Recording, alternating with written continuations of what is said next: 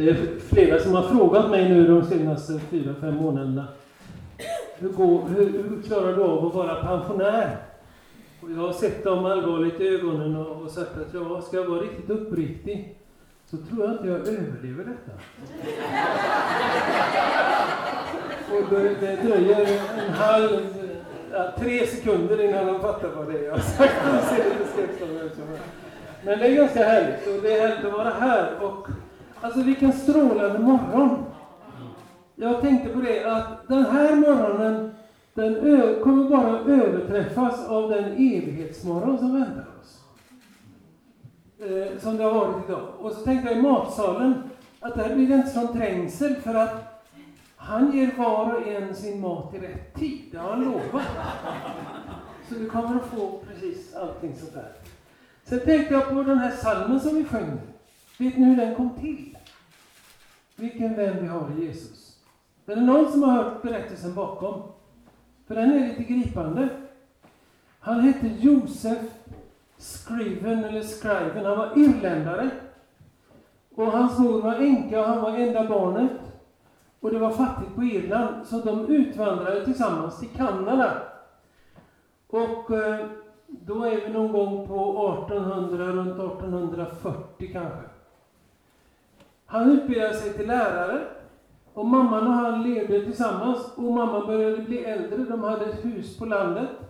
Han var lärare i byskolan. Han var duktig, han sjöng, han diktade. Han var omtyckt. Men mamman hade ett stort problem. Han behöver en fru. Jag dör snart. Han behöver en hustru. Hon bad mycket för det. Och så fick han det. En ung kvinna. Själv var Josef 35 år ungefär. Och det skulle bli bröllop i all enkelhet. De skulle fira det i familjens hus. Och bruden hade kommit dit. Och på morgonen så går hon ner till sjön. Det är en backe ner och så ligger sjön lite längre bort kanske, lilla färgen här. För att tvätta sig och göra sig i ordning till brud. Och de tyckte att hon dröjde. Och så går Josef ner till stranden. Då har hon drunknat. Hon ligger död. Och han bär upp henne. Men på vägen så säger jag kan inte alla ner henne i gräset. Hur ska jag meddela detta till min mor? Och då hade han gått och nynnat på en melodi som han hade tänkt göra en sång och sjunga till bruden på bröllopet på. Och det var just den här melodin. Men nu sätter han sig ner och diktar nya verser. Och det är just de vi har sjungit nu. Det är särskilt andra versen får en tyngd. Han gjorde det av omsorg om sin mor. Att Jesus bär den här smärtan också. Han har gråtit våra tårar. Hur det gick sen för den här, det här paret, mor och son och så, det vet jag inte. Men det har någonting att säga oss. Och jag tänker på det varje gång vi får sjunga den salmen. Vad är det? 46, 47 någonting? 48? Du höjde budet, det är bra. Idag är det den 21 juli. När jag har möjlighet att, att tala den 21 juli så brukar jag alltid påminna om vad som hände för nu i år 47 år sedan. 20 juli eller 21 beroende på hur man, om man följer amerikansk tid eller svensk tid. Då landsteg den första människan på månen. Neil Armstrong.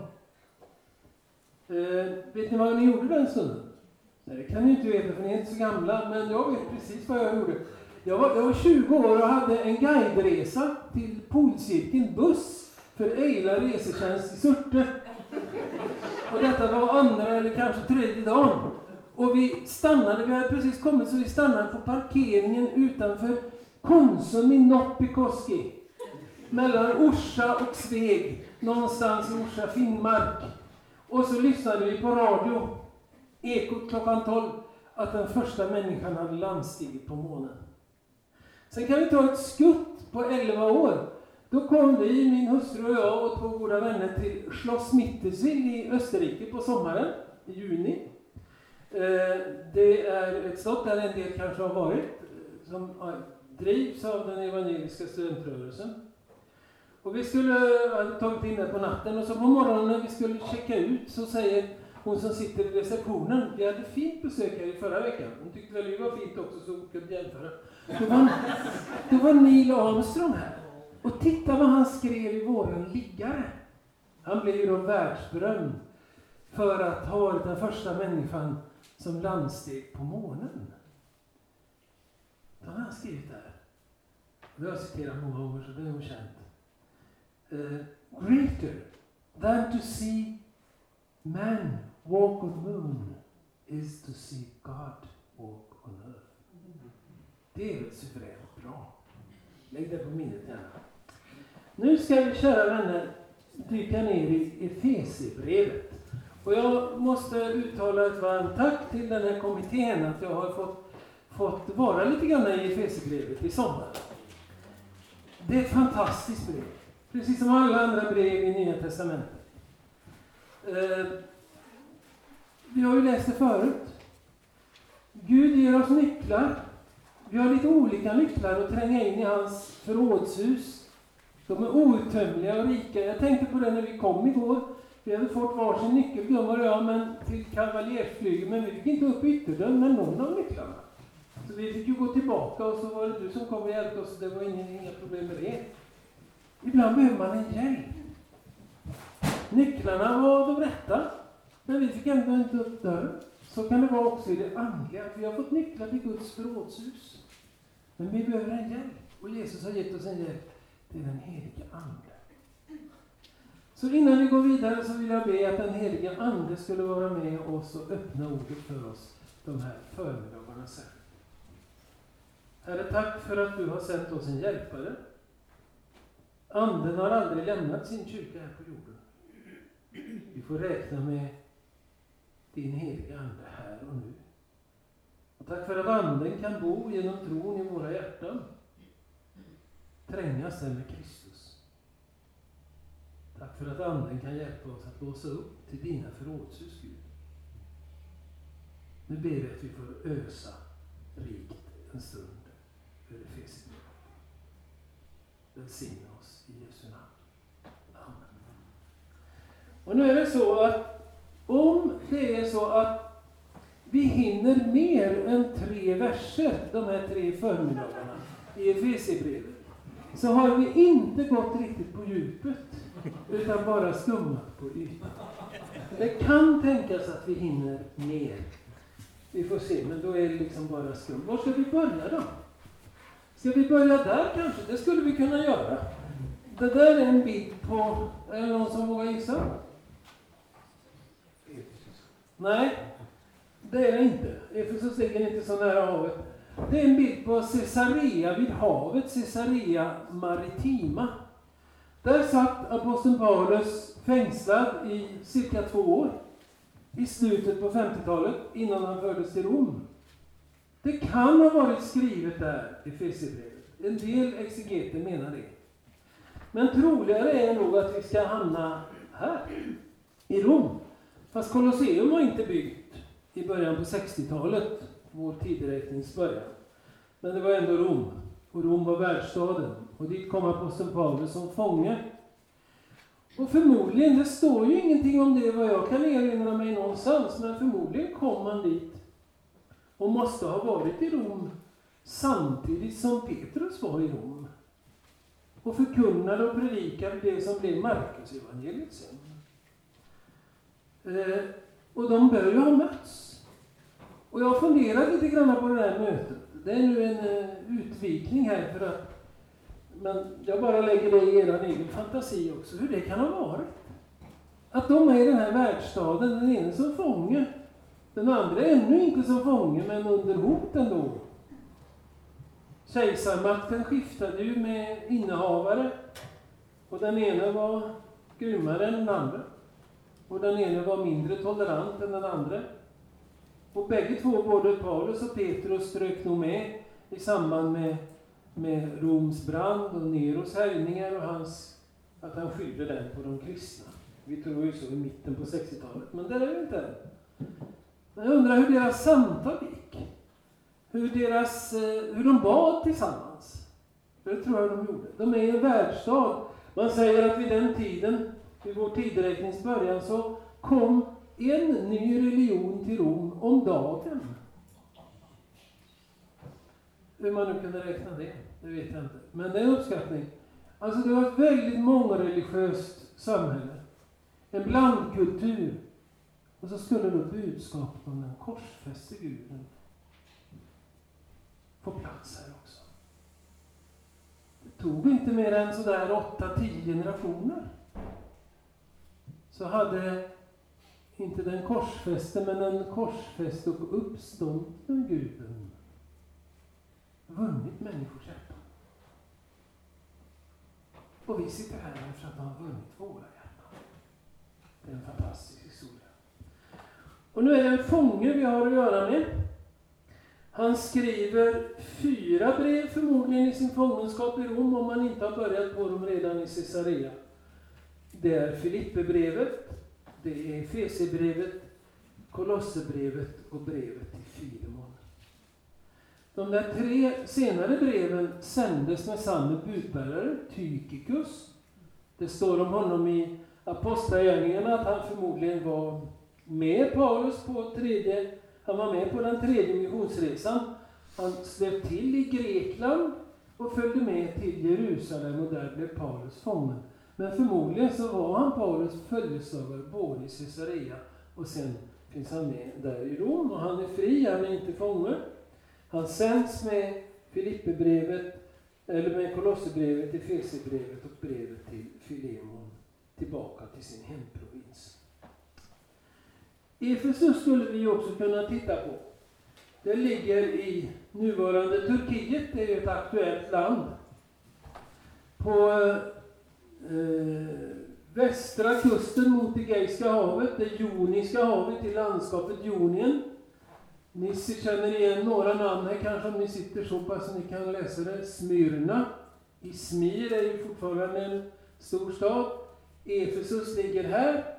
Vid eh, mynningen av floden Kaister kallas den här, Kaistron kanske. Eh, vi har kanske lärt oss att Miletus var Efesus hamnstad, men det är inte riktigt rätt. Eh, och ni ser att det ligger en bra bit längre söderut, och emellan finns ön Samos som hör till Grekland idag. Eh, Efesus var också en hamnstad, men Miletus hade större och bättre hamnar. Så att när Paulus kommer på tillbakavägen till Jerusalem, den tredje missionsresan, så är det ju Miletus de lägger till. Och han hinner inte ta till Efesus, utan ledarna i församlingen i Efesus kommer till honom i, i Miletos. Och där är ju ett mycket gripande avsked. Aposteln är klar över att det här är nog sista gången vi ses på denna jorden. Och den, det talet han håller där och den bönen de har på knä på stranden eh, är ju väldigt gripande i Apostlagärningarnas 20 kapitel. Eh, när nu Paulus skriver Efesierbrevet så har man tyckt att det har varit underligt att han som hade verkat i mer än två år, kanske hela tre år, i Efesus eh, tidigare, att han inte nämner några namn och inte tar upp några konkreta förhållanden i församlingen. Det har ju lett till den tanken som förmodligen är riktig, att det här är inte ett brev bara till församlingen i Efesus, utan det är ett rundbrev som har gått runt till alla församlingarna i mindre Asien. De var inte många, men de var några stycken vid den här tiden, omkring år 60. Innanför här i, i dalen här innanför fanns ju både Kolosse och Kolossebrevet och Efesierbrevet är ganska lika till sitt innehåll. Och Hierapolis och Laodicea och vi vet att Paulus skriver ett brev till församlingen i Laodicea. Det nämner han om. Men eh, vi har det inte bevarat. Det kan möjligen vara det här brevet. Eller också mera troligt att det var till alla församlingarna där i mindre Asien med budet att Tychus fick det med sig en handskrift som skulle skrivas av och där, eh, där man fyllde i församlingsnamnet då. Så lämna det vidare. Eh, det stöds av de äldsta handskrifterna till Efesierbrevet, ett par från 200-talet. Det är rätt så långt ner. Där de där inledningsorden till församlingen i Efesus är utelämnade. Det tyder på att det här var en, en, en, ett cirkulär där man kunde fylla i församlingsnamnet. Och då leder det våra tankar till att det som står i det här Efesierbrevet, det är inte riktat till någon speciell församling och inte vid något speciellt tillfälle, utan det handlar om alla församlingar, alla kristna situationer. Man har kallat Efesierbrevet för församlingsbrevet. Men det som är bevarat då, det är ändå det som har återfunnits i Efesus. Och vad var Efesus? En ganska stor stad vid den här tiden. 250 000 invånare ungefär. Och stadens betydelse hängde samman med den här byggnaden. Artemistemplet, ett av världens sju underverk. Eh, det finns inte kvar, utan det här är en rekonstruktion. När grekerna erövrade den här delen av mindre Asien flera hundra år före vår tideräkning, så stötte de på en lokal kult. Man dyrkade kybele. Och de fann att kybele hade ganska många drag, det sammansmälte med deras egen fruktbarhetsgudinna som heter Artemis. Det var en sak som inte var gemensamt och det var att Artemis, som kallades för Diana på romerskt område, också var jaktens gudinna. Och därför kom den här Kybelekulten, eller Artemiskulten, när de hade byggt ett grekiskt tempel, att ägnas åt, en, åt Artemis i Efesus. Att det var en särskild Efesiernas Diana, står det om i Apostlagärningarna i de äldre översättningarna. Ni vet, det blev ju ett upplopp när Paulus var där, i alldeles i början av hans ganska långa vistelse, innan det fanns en kristen församling. Och det var ju silversmederna som gjorde upplopp. Och de fann ju sin näring hotad därför att de gjorde kopior i silver av det här templet som folk bar som amuletter runt halsen. Eller som ett tecken på att man hade gjort pilgrimsfärden till, till eh, Artemistemplet Artemis-templet i Efesus. Det finns också små statyetter i silver med en bild av gudinnan, fruktbarhetsgudinnan med 25 bröst. Om ni nu kan föreställa er hur det ser ut på ett fruntimmer. Eh, men det är bevarat så det kan man googla på och få fram den bilden. Och det har man hittat både i keramik och i silver runt om i den antika världen vid arkeologiska utgrävningar. Och det är klart att när eh, människor började tro på Kristus så lämnade de templet. Och silversmederna såg sin näring hotad. Så det blev ett eh, upplopp där som man kan läsa om i Apostlagärningarna 19. Sen blev ju den kristna församlingen i Efesus en av de ledande i mindre Asien. Aposteln Johannes verkade där. Eh, och enligt traditionen så tog han ju dit Maria, så att Jesu moder Maria dog i Efesus. Nu finns ju hennes grav både i Efesus och i Jerusalem, men hon var ju en stor människa. Så, eh, annars är det inte så vanligt att man har sin grav på mer än ett ställe. Det är Jakob också, fast han har ju sitt huvud i Jerusalem och kroppen i Spanien. Men det är en annan sak. Om Paulus skrev det här brevet, eller han hade en sekreterare, det vet vi inte heller. Han har pekat på att det är lite en annan stil i Efesierbrevet och där det är ord som bara används här. Eller nästan bara här, som är lite ovanliga. Men innehållet är väldigt Paulin. Så det kan mycket väl tänkas att om han var fånge i Rom visserligen i en ganska lindrig fångenskap som vi läser om i där Apostlagärningarna slutar, att han kunde själv hyra en bostad. Men förmodligen var han övervakad hela tiden och kanske han hade både hand och fotbojor så han inte kunde skriva men väl ta emot eh, gäster och så. Så hade han nog någon som antecknade hans tankar. Vi ska strax gå in i, i brevet. Jag tycker att det som eh, ni har satt som rubrik här för de här dagarna är väldigt bra. Livet i Kristus. Det kan se ut som en sån här bro. Just i södra Västergötland, de här trakterna, finns det många sådana här bevarade stenbroar. Man kör ju inte över dem längre. Vi har precis flyttat till ett nybyggt hus som ligger vid en bro, näringsbro. Och, och folk har frågat, visste ni om att de skulle stänga bron eh, innan ni, när ni köpte tomten? Det visste vi inte. Det var ganska mycket trafik, men så kom de på att den här bron, den håller inte för tung trafik. Så nu har de satt upp en skylt eh, eh att köra med fordon som väger mer än 3,5 ton, så det kommer inga lastbilar över bron längre. Det har lugnat ner sig betydligt. Och så eh, skulle de stänga den helt för persontrafik också, det har de inte gjort. Och kommer nog inte att göra, men det har blivit väldigt lugnt. De här gamla stenbroarna, de var väldigt hållfasta. Det har ju att göra med det som vi kommer in på så småningom i, i Efesierbrevet med hörnstenen, eller som det också kan översättas slutstenen. Och det vet ni ju allihop att man hade, det är ju en raffinerad ingenjörskonst innan det fanns ingenjörer, att man lärde sig att bygga sådana här broar som hölls ihop med hjälp av slutstenen som är där längst upp någonstans. Och som verkligen håller eh, för stora tyngder. Eh, man kan säga om livet i Kristus att det är som en sån här gammal bro.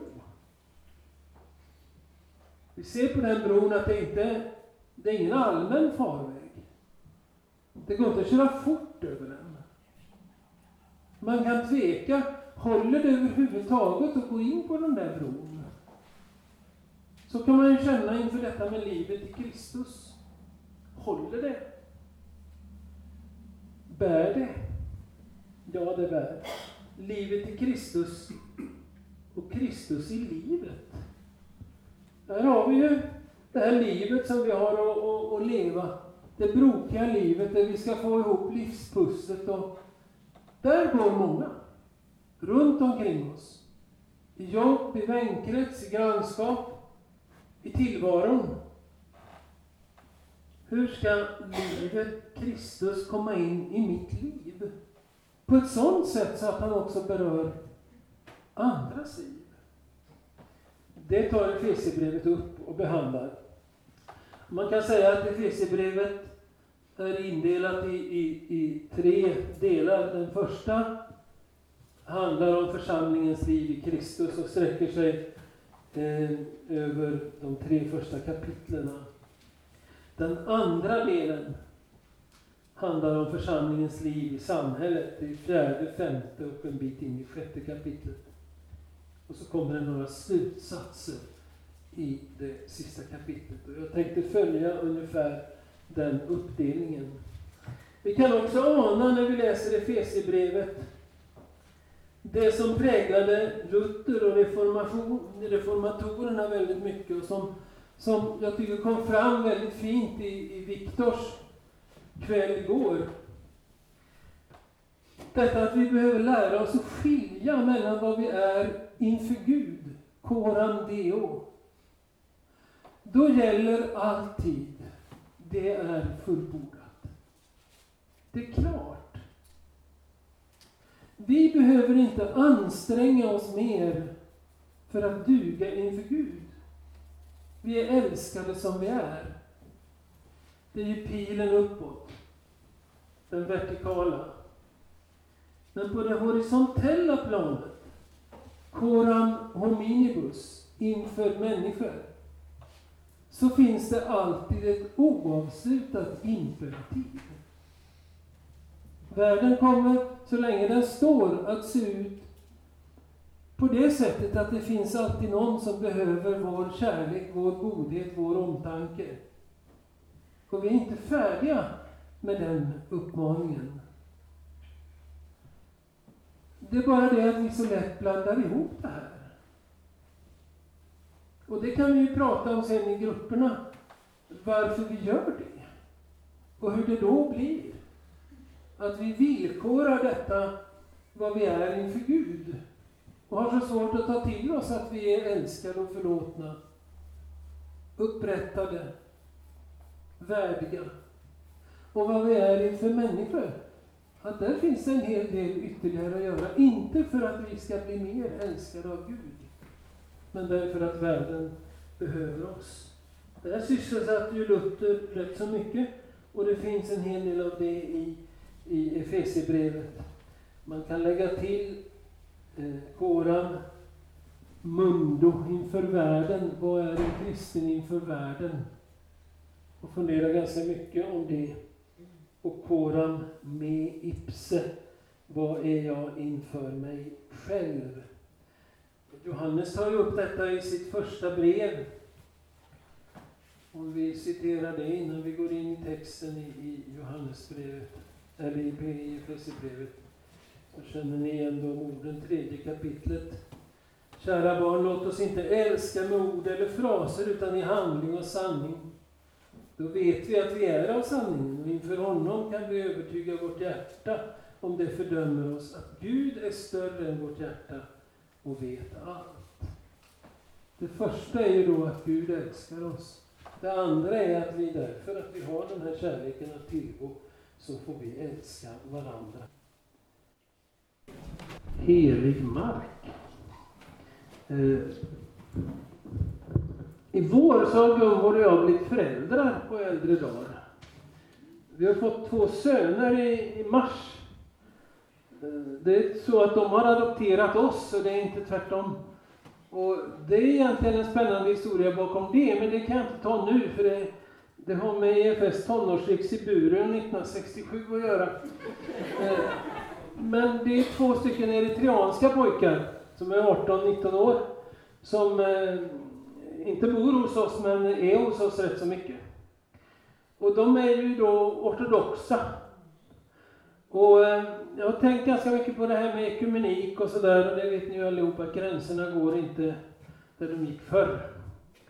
Eller de synliga gränserna är egentligen inte de rätta gränserna. Och de här pojkarna de är ju monofysiter. Och vi har ju inte haft någon gemenskap med deras kyrka egentligen sedan eh, kyrkomötet i Calcedon 451.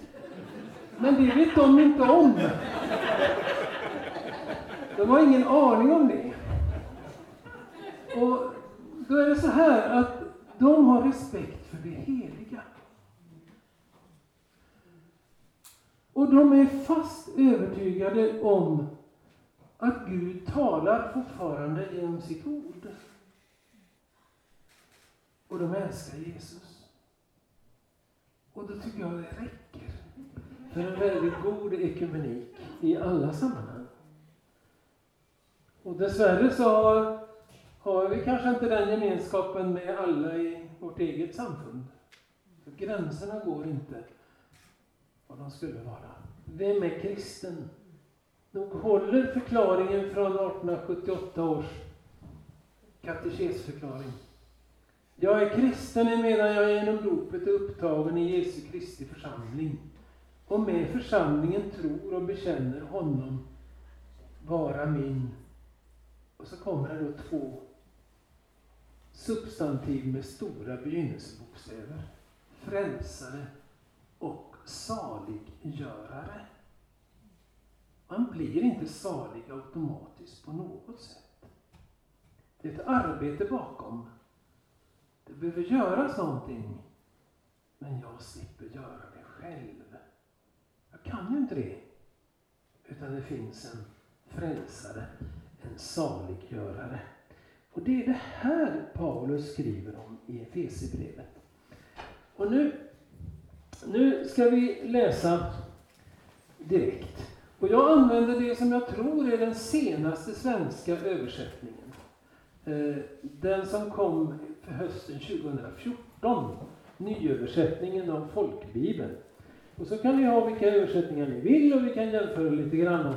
Och sen behöver ni inte anteckna så mycket om ni inte vill, för nu blir det en del punkter och sådär. För de finns på papper där ute, så när ni går ut, de som vill, så tar ni två blad, det är två olika blad. Det gick inte att dra dubbelsidigt här på apparaturen. Från Paulus, genom Guds vilja, Kristi Jesu apostel, till de heliga som bor i Efesos och tror på Kristus Jesus. Nåd vare med er och frid från Gud vår Far och Herren Jesus Kristus. Det här är den alldeles vanliga brevingressen som aposteln brukar ha. Ja, som nog förmodligen alla brevskrivare i antiken hade. Man skrev avsändaren först, så satt de och bläddrade och se vem som hade skrivit under det hela.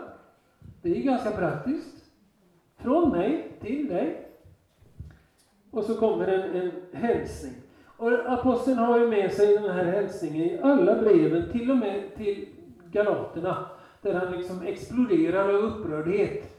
Men han önskar dem i alla fall nåd och frid. Men nu är inte det här bara tomma ord eller fraser, utan det säger vad vi är, vad vi har, vad livet i Kristus är. Det är för det första att vara i Guds vilja. Och då vet du som har läst Pauli brev att det är så stort hela tiden för aposteln att han får vara apostel.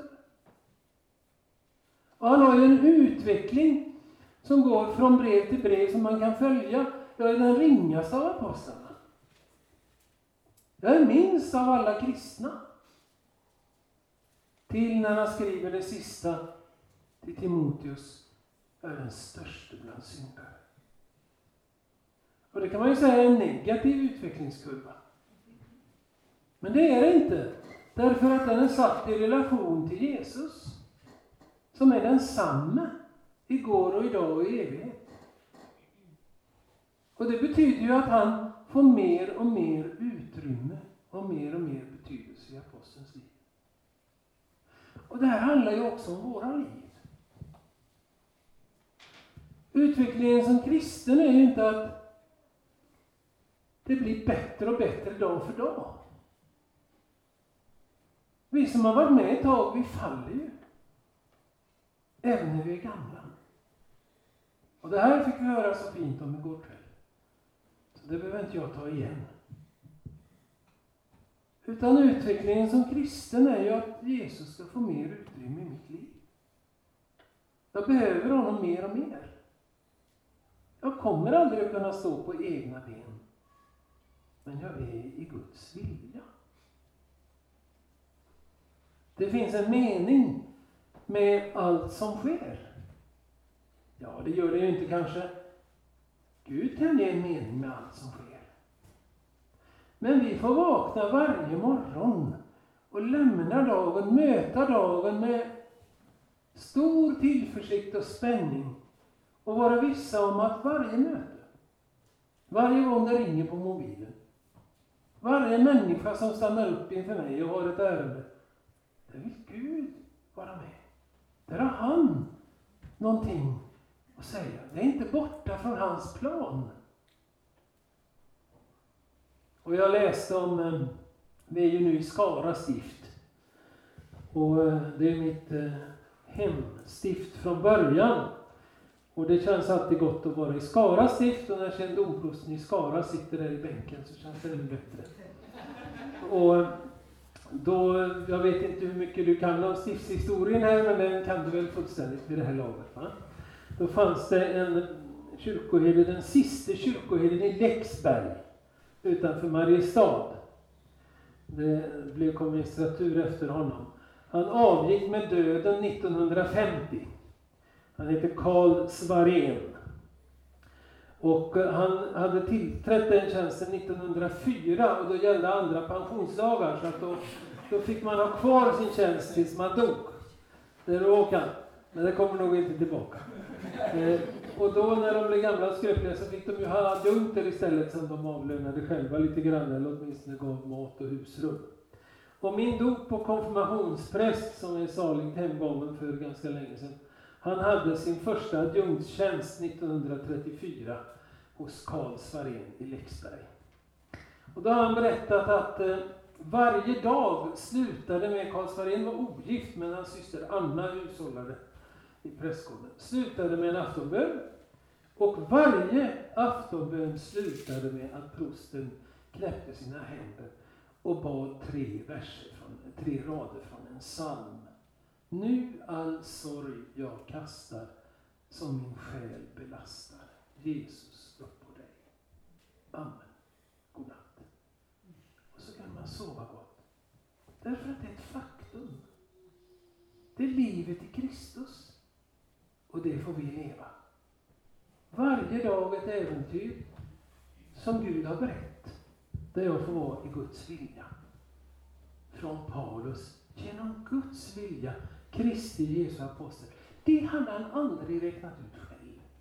Att han skulle bli en kristen apostel. Men Gud vände hans väg. Till det heliga som bor i Jesus. Och hade det nu bara varit ett brev till församlingen i Efesus, så hade aposteln känt de flesta kristna i den församlingen. För han hade varit där så länge i begynnelseskedet.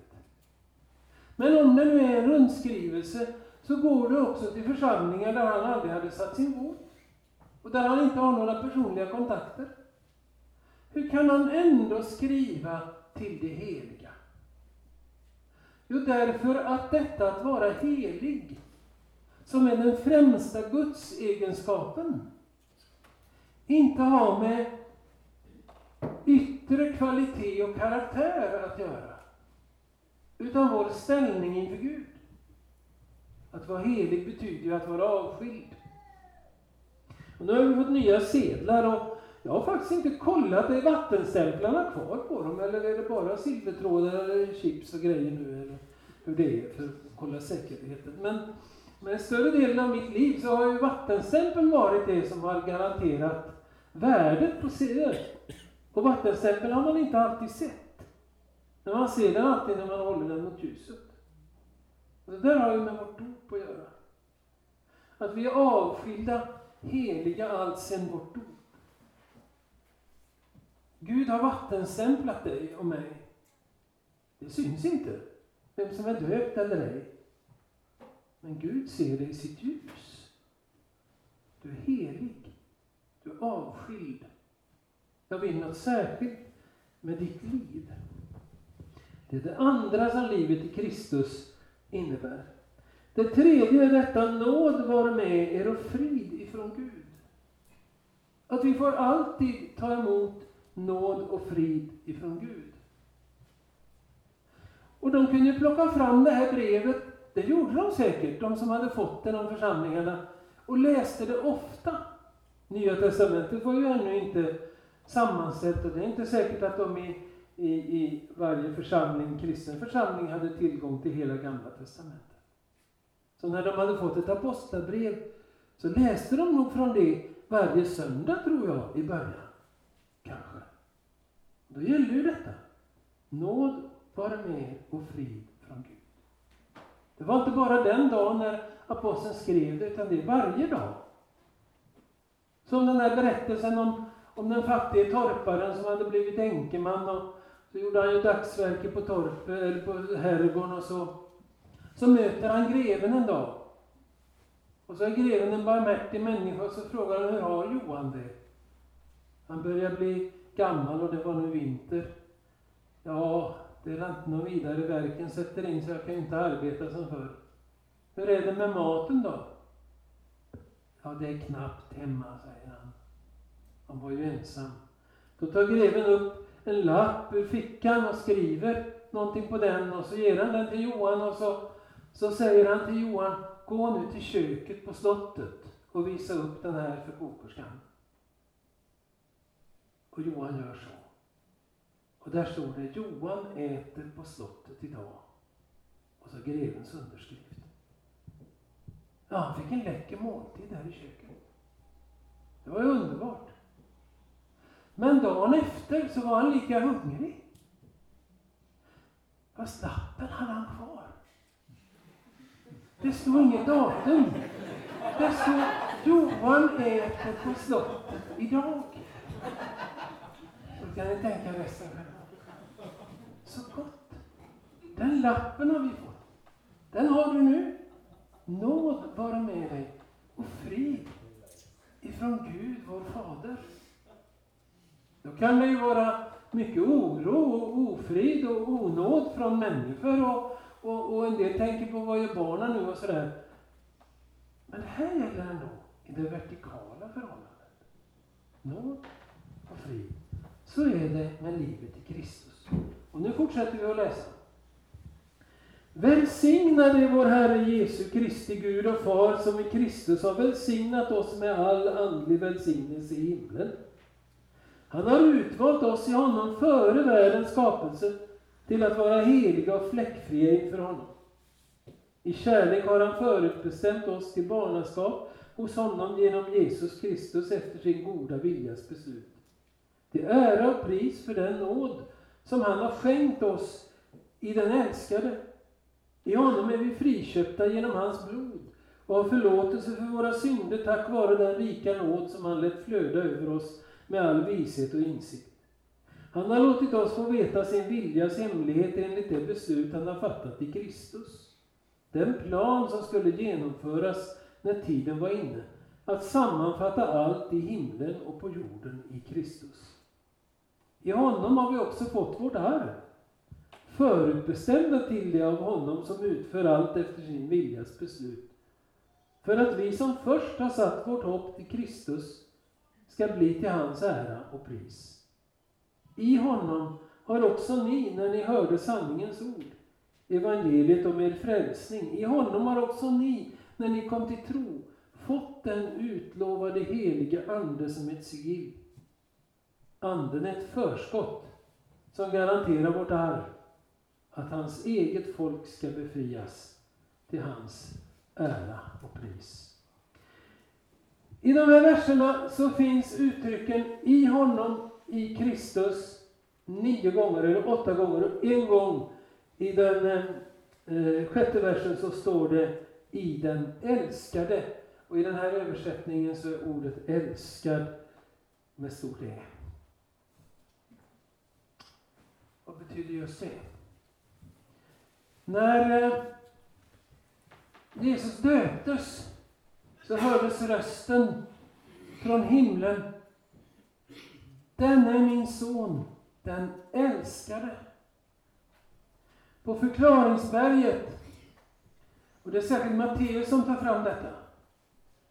Han skriver ju för sitt eget folk, för judarna, för de som kan Gamla Testamentet. På förklaringsberget i Matteus 14 så hörs rösten igen. Detta är min son, den älskade.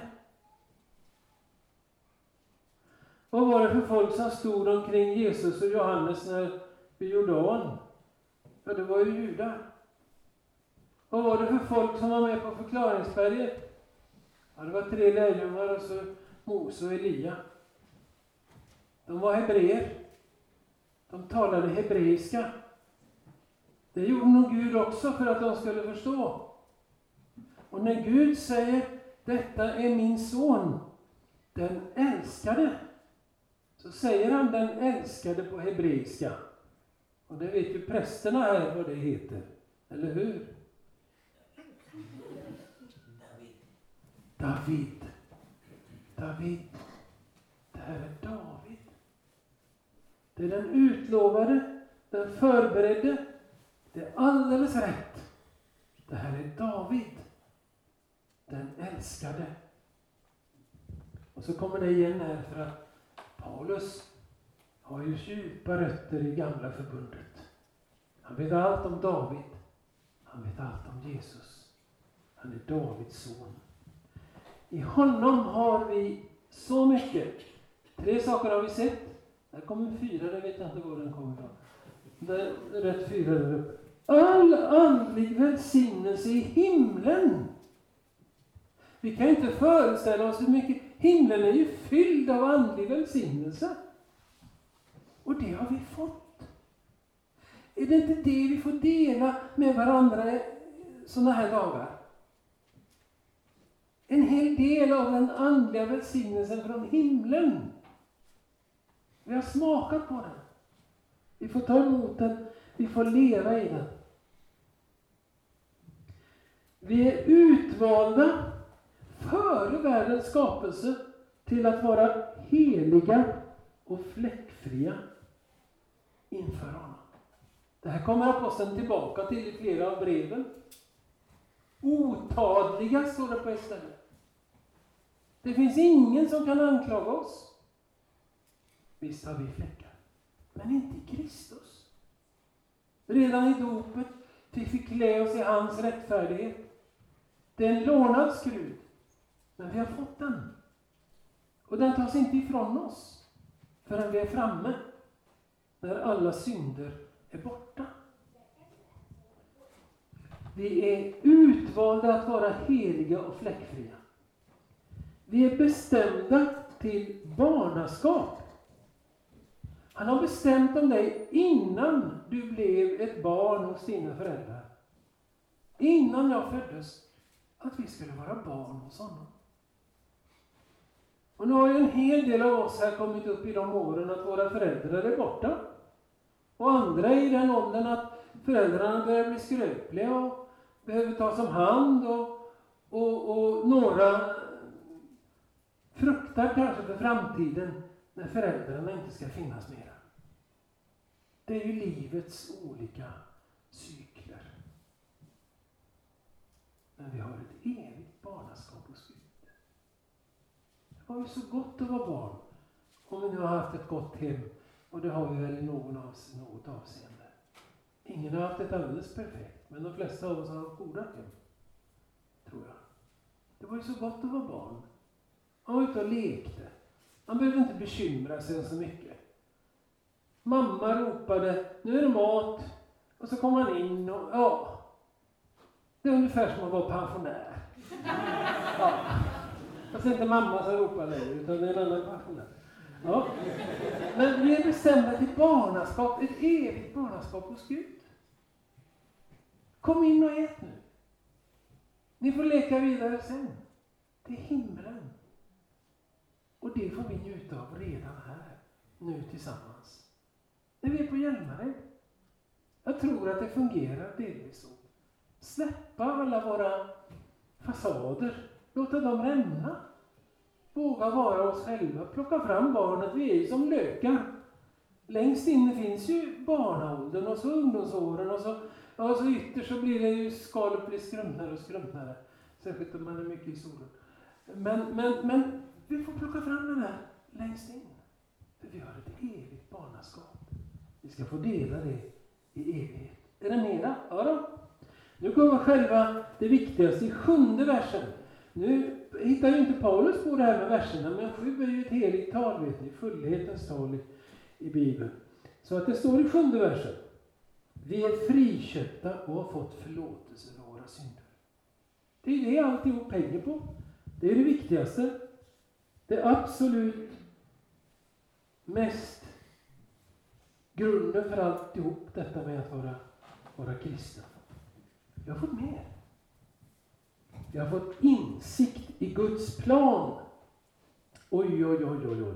Kunskap kan man ju få genom att lära sig och läsa böcker och ta examina och, och, och få erfarenhet och sådär. Det är en sak. Men insikt är en annan.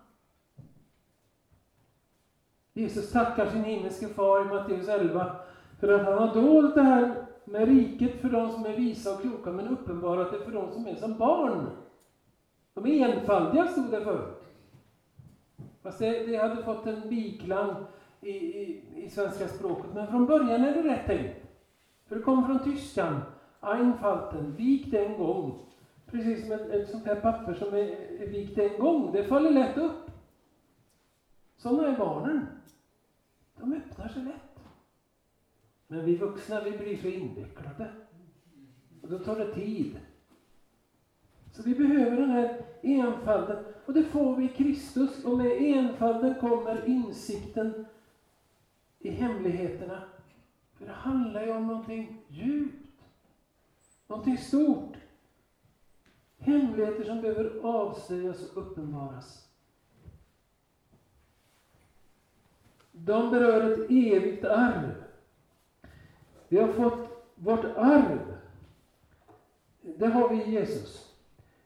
Och vårt hopp, när vi har satt vårt hopp till Kristus, då får vi ha en visshet om arvet. Vi talar kanske för lite om arvet. Jag har röjt en hel del nu när vi flyttade och sådär från en tjänstebostad med 300 kvadrat till lite mindre. Så blev det ju lite uppröjning och så hittade jag gamla sångböcker och det har att göra med väckelsen 1917. Och det har lite med Hjälmared att göra, men det kan jag inte dra nu, utan det får bli en annan gång. Och då, då, de hade ju inte powerpoint och sånt. Va? Eh, mina förfäder som var med om väckelserna i början på 1900-talet, de skrev ju av sånger. I små svarta anteckningsböcker med vaxdukspärmar. Och då har jag en del av de där sångböckerna bevarade, handskrivna. Vad handlar de om? För de som var unga då, min fars fastrar som var i tonåren eller lite mera. Det är de som har skrivit dem. Jag skulle tro att 80% av sångerna handlar om himlen. Det gör väl en del av våra sånger nu också. Men vi har nog blivit lite mer jordiska. Vi kanske behöver prata lite mer om arvet. Nu ska vi se vad klockan är så att inte tiden går ifrån mig. Tio minuter har vi kvar. Det här kan vi ju inte greja själva. Vi kan inte ta till oss det själva. Men vi har fått den här hjälparen. Nu kallas anden för sigillet. Ett förskott som garanterar vårt arv. Och där finns det ju ett ord på grekiska som teologerna känner igen här, som Paulus använder, som heter arabon. Som också betyder förlovningsring. Det har med kärlek. Och sitter någon med 1917 års översättning så står det nog underpant där. Gör det inte det? Eller ingen som har det. Men vi som är gamla kommer ihåg att det stod så. Det är ju inget ord man, man kan precis eller använder, men jag googlade på det och då står det att det betyder bevis, prov och säkerhet. Det har med kärlek och trohet att göra. Någonting som är fast, någonting som håller. Den helige Ande vill uppenbara för oss, vill göra det levande för oss, vill göra det mottaget bland oss. Fast och tryggt. Allt detta vad vi äger genom livet i Kristus. Tio punkter. Eh, jag läser vidare. Därför, när jag nu har hört om er tro på Herren Jesus och er kärlek till alla de heliga kan jag inte sluta tacka Gud för er när jag nämner er i mina böner. Jag ber att vår Herre Jesu Kristi Gud, härlighetens far, ska ge er vishetens och uppenbarelsens ande, så att ni får en rätt kunskap om honom.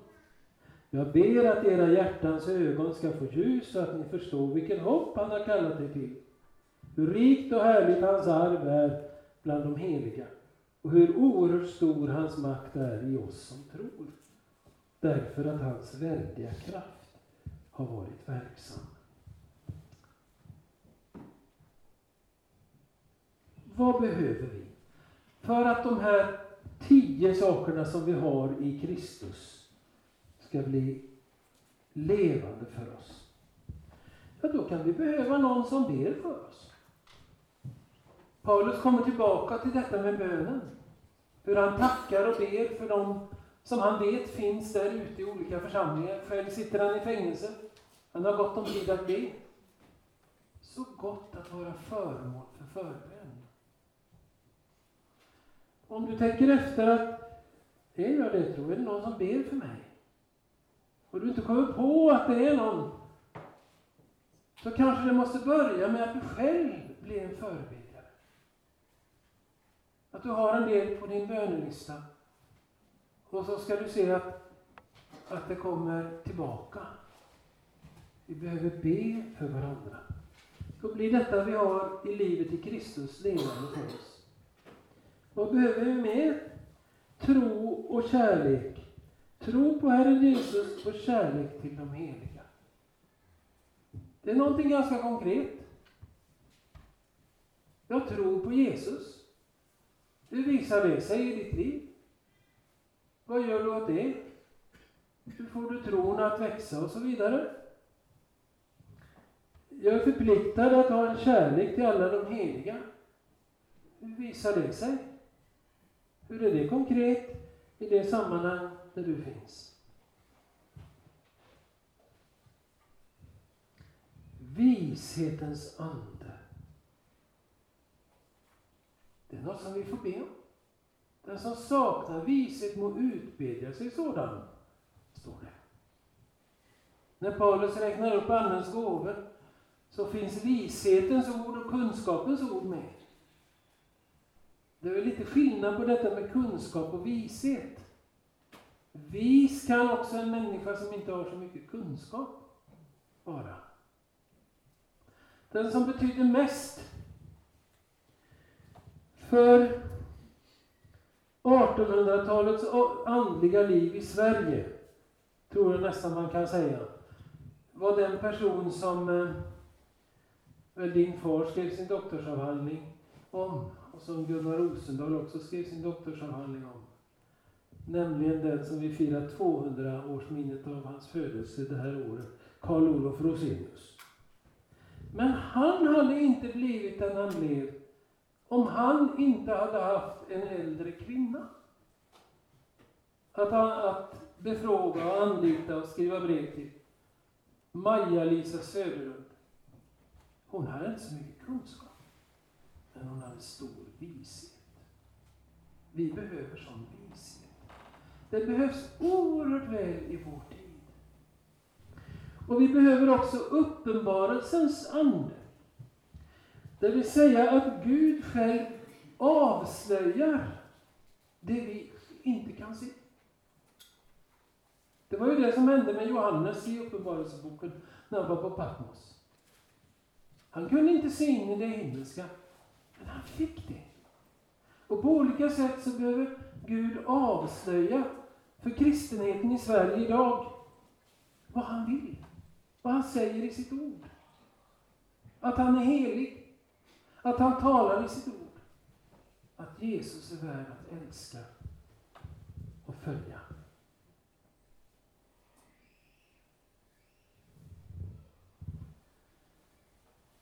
Så att ni får en rätt kunskap om Gud. Så det här är ju den stora tragiken. Att vi tycker så olika om Gud. Hur ska jag få en rätt kunskap om Gud?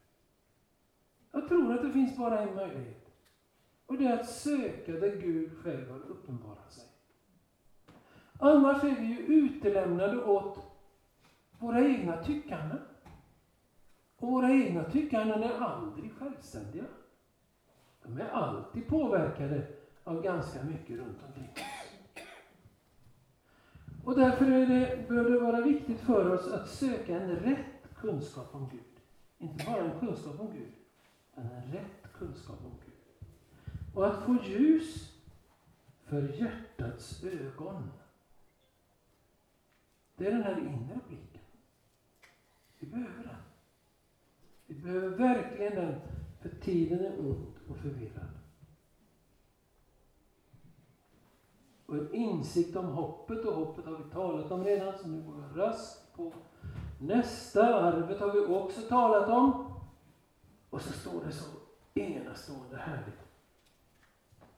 Förstå hur stor, oerhört stor hans makt är i oss som tror.